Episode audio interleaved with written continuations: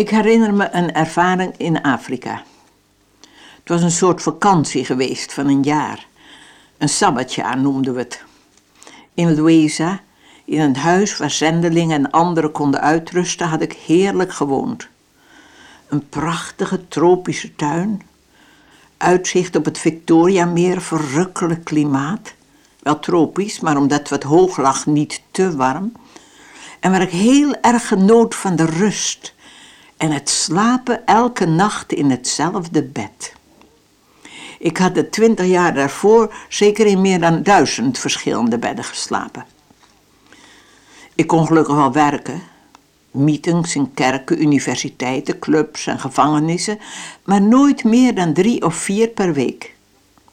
Maar nu was het door de dokter voorgeschreven jaar rust voorbij. 1 november kon ik verder gaan.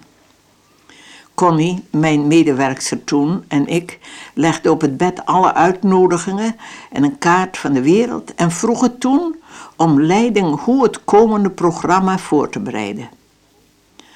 We hadden ons zo aangewend niet eerst plannen te maken en dan als het ware Gods handtekening te vragen. Nee, we wachten op leiding van de Heer om onze handtekening daaronder te schrijven. Het werd een mooi programma. Vier maanden verder Afrika in, twee maanden Oost-Europa, drie maanden Amerika. Maar ik voelde me niet gelukkig. Was het nou echt nodig om weer te gaan reizen? Ik besprak het met de Heer. Dat is altijd zo goed als je hart niet helemaal gelukkig is met zijn leiding. Ik wil doen wat u wilt, Heer. Ik wil werken waar u me ook leidt, maar hier in Louisa zijn rondom kerken, clubs en gevangenissen massa's mogelijkheden. ik kreeg er zo'n blij gevoel door. Natuurlijk was dat goed in Gods ogen. Niet meer reizen en elke nacht hetzelfde bed om in te slapen. U hebt bezoek, riep Connie, een broeder uit Rwanda. Een dominee kwam naar me toe. We zijn zo blij dat u naar Rwanda komt, zei hij. Vijf jaar geleden bent u ook bij ons geweest. U vertelde toen hoe de Heer Jezus u nooit in de steek had gelaten. Ook toen u in een gevangenis was. Uw verhalen waren mooi, maar het zei ons niet zoveel. Wij waren nooit in een gevangenis geweest. Maar er kwam oorlog een paar jaar geleden. Velen, ook ik, zijn in de gevangenis geweest. En wat hebben de verhalen van uw ervaringen ons geholpen? Daarom zijn we zo blij dat u weer komt. Dat was nou juist wat ik niet wilde. Om het gesprek wat af te leiden begon ik met vragen. Wat voor soort kerk heeft u? Welke boodschap vindt u voor uw mensen nodig? Zonder een moment te aarzelen sloeg de dominee zijn Bijbel open en las Openbaringen 2. Schrijf aan den engel der gemeente te Efeze. Dit zegt hij die de zeven sterren in zijn rechterhand houdt, die tussen de zeven gouden kandelaren wandelt.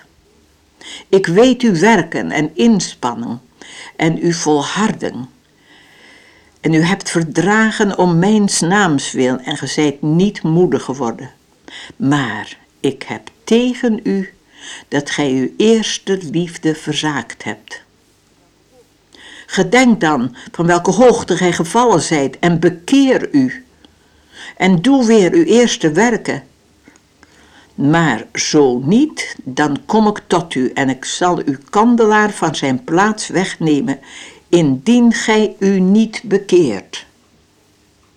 Dat was de boodschap voor Efeze en voor Rwanda, zei hij. En voor Corrie ten Boom was mijn echo. Wat was ik veranderd? Twintig jaar geleden kwam ik uit de gevangenis, zwak en ziek. Maar ik was geïnteresseerd in twee belangrijke dingen. Ten eerste dat zielen gered moesten worden. En ik kon ze vertellen tot Jezus te komen. Dat Hij aan het kruis alles volbracht had om hun te verlossen van zonde en van de geweldige heerlijkheid om een kind van God te worden.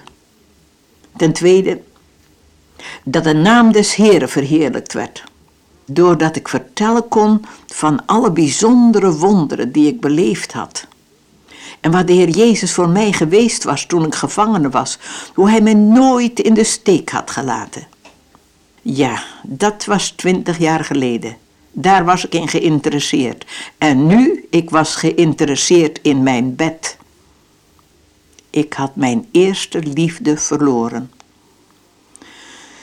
Ik sloeg mijn Bijbel open en las.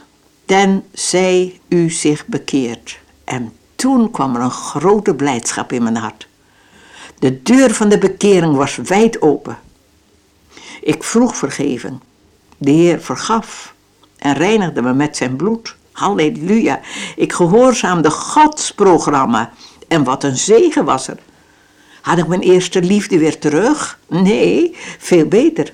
De Heer vergaf en reinigde mijn hart met zijn bloed en een gereinigd hart vervult hij met zijn heilige geest en zijn liefde. Lees maar, Romeinen 5 vers 5. Zijn liefde, de vrucht des geestes, is veel meer dan mijn eerste liefde ooit was geweest.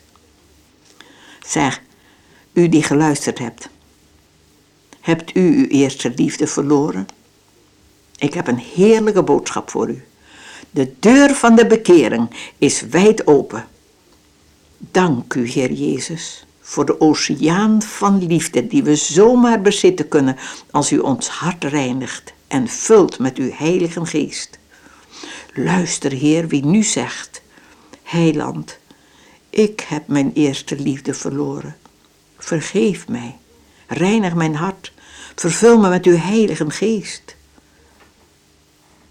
en daardoor met uw liefde. Dank u wel, Heer Jezus. Amen.